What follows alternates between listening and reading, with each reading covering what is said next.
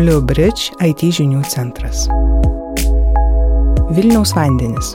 IT infrastruktūros atnaujinimas leidė sutaupyti ne tik išlaidas, bet ir laiką.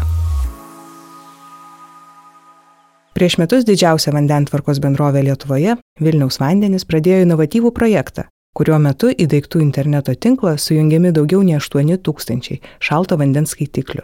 Taip pat pradėtas ne ką mažiau svarbus projektas. Liepa startavo svarbiausio IT sistemų darbą užtikrinančios infrastruktūros atnaujinimas. Draugė su IT partneriais Bluebridge įgyvendintas didelio masto pokytis leido sumažinti išlaidas duomenų bazių licenzijoms, sutrikimų rizikas ir užtikrinti patikimesnį pagrindinės verslo valdymo sistemos veikimą.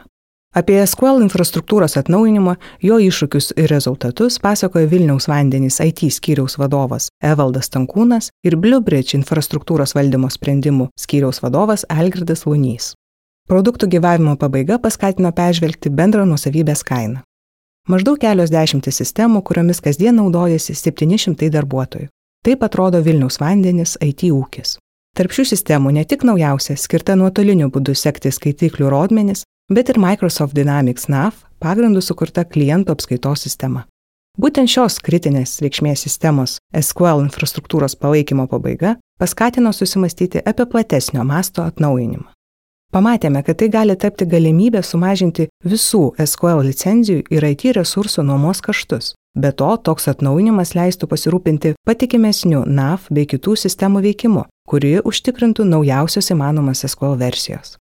Taip, šalia tikslo pasirūpinti NAF infrastruktūra, nutarėme siekti ir mažesnės programinės įrangos bendros nusavybės kainos, pasakoja Evaldas Tankūnas.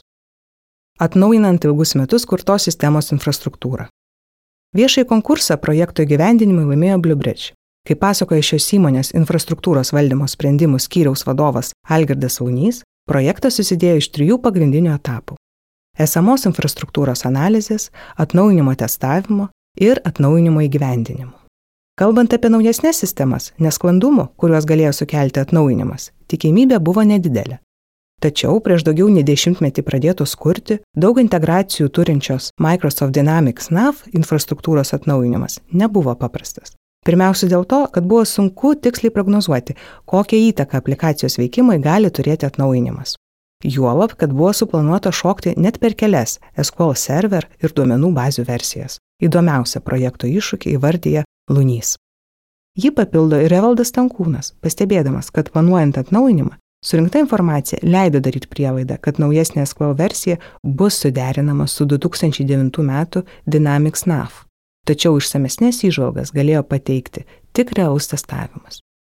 Kai atnaujinimo suderinamumas buvo išbandytas, įsitikinama, kad pagrindinės sistemos funkcijos veikia, Tačiau turėjome omeny, kad testavimui pasitelkiami daug mažesni duomenų kiekiai nei tie, kuriuos sistema turi apdoroti realybėje.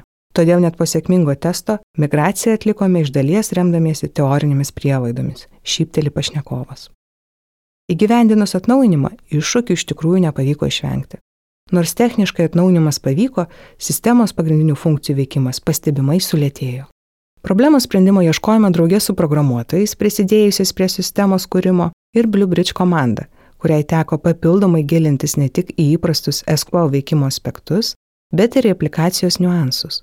Be šių bendrų pastangų greičiausiai neturėtumėm tokių gerų rezultatų ir stabiliai veikiančios sistemos, neslėpia Evaldas Tankūnas. Sumažėja kaštai ir didesnis atsparumas IT nelaimėms. Nepaisant nepatogumų, kuriuos teko patirti iškart po SQL infrastruktūros atnaujinimo, projektas baigtas per numatytą laiką - penkis mėnesius, o SQL serverių konsolidavimo ir atnaujinimo sukurta vertė ilgalaikė. Serverių konsolidavimas leido pasiekti svarbiausią tikslą - nuo 25 iki 12 sumažinti licenzijuojamų objektų skaičių, o kartu ir išlaidas ant infrastruktūrai, įvardė Evaldas Tankūnas. Bluebridge atstovas Algirdas Vaunys paaiškina, kad sumažinti IT infrastruktūros išlaikymo kaštus pavyko atlikus kelis esminius darbus.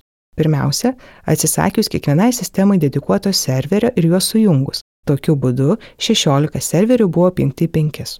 Kadangi licenzijų skaičius buvo tiesiogiai susijęs su sistemoms priskirtų branduolių skaičiumi, surinkus SQL server sistemų greitavikos rodiklius, atlikus jų analizę ir koreliaciją, pavyko sumažinti branduolių kiekį, nepadarant žalos sistemų greitavikai, pasakoja pašnekovas.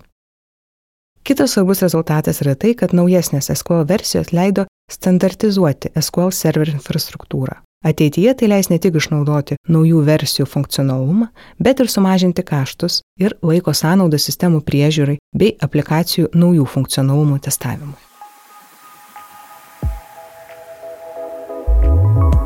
Jūs girdėjote Blue Bridge IT žinių centro straipsnį. Daugiau verslui ir IT specialistams aktualios informacijos, Blue Bridge eksperto įžvalgų, klientų sėkmės istorijų ir IT sprendimo apžvalgų rasite Blue Bridge svetainėje adresu bluebridge.lt pasvirasis brūkšnys IT žinių centras. Straipsnį garsino Inga Glebova, muziką sukūrė Blue Bridge IT inžinierius ir elektroninės muzikos kuriejas Edgar Chmilko Ivisi.